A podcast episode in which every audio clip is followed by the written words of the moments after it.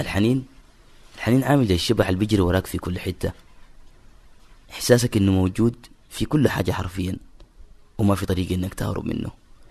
لدرجة إنك بتحس إنك محبوس محبوس في تفاصيل أماكن أغاني روايح أفلام بتحبها. هدايا جاتك الرسائل على الجوال والصور والمناسبات اللي كانت بتجمعكم والضحكات اللي من القلب والأيام اللي لما بتتذكرها بتدخل في فلاش باك بينتهي بتنهيدة. وكل الحاجات اللي بتحس إنها واجعاك لمجرد إنك عايز تشوف زول وما قادر. يعني الحنين انعكاس طبيعي لذاكرة المحبين. الإنسان ممكن تكون ذاكرته قوية ذاكرة الأماكن والأرقام والوشوش والأحداث. ممكن تكون عكس كده وبينسى كل حاجة وتقريبا أي حاجة إلا في العلاقات سواء كان بيتذكر بسهولة أو بينسى بسهولة. لكن رجله حتيجي في فخ الحنين. ما دام إنه جرى ودخل في علاقة وقرر إنه يشارك شخص تاني معه الذكريات. وأماكن وأغاني وأحداث. الفكرة هنا إنه الحنين ممكن نفهمه بشكل غلط أو نطبقه على العلاقات اللي انتهت أو الناس اللي طلعوا من حياتنا. لكن الواقع بيقول عكس كده. الحنين حالة ما بتنتهي وما مرتبطة بوجود شخص أو علاقة من عدمها يعني وارد جدا إنه الحنين يسافر بيك. وانت مع نفس الزول لذكرى حلوة معينة أو لمكان حلو أو لكلام كنت سمعته منه قبل كده. وبرضه الحنين هو الحاجة الوحيدة اللي تعتبر حالة عامة.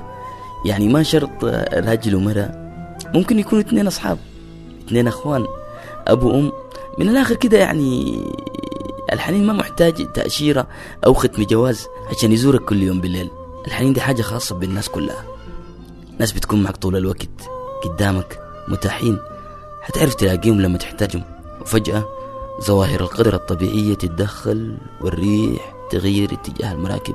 فجأة تبقى مضطر إنك تودعهم أو تتفاجأ إنهم مشوا. أنغام عندها أغنية تقريبا غنتها قبل سبع سنوات ثمان سنوات. بتقول فيها لو ضروري تفوتني خد مني الحنين. ودي بتعبر عن حزنها الشديد لحبيبها اللي سافر وخلاها.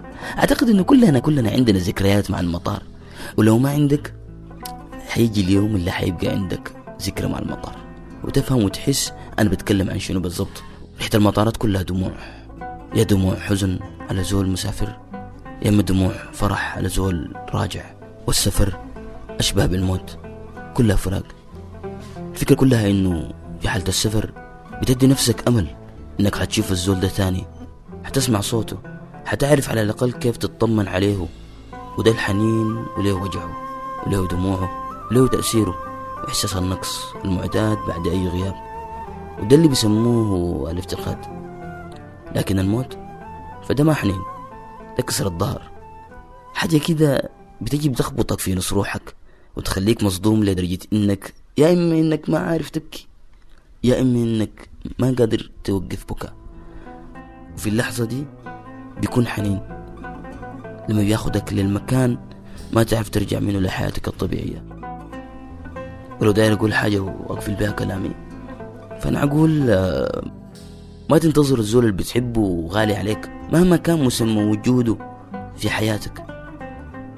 ما تستنى اللحظة اللي بيتحول فيها افتقاده وتفاصيله الحلوة البسيطة الفجأة لفقد. لأنه ما في أغلى من قيمة الإنسان عند الإنسان.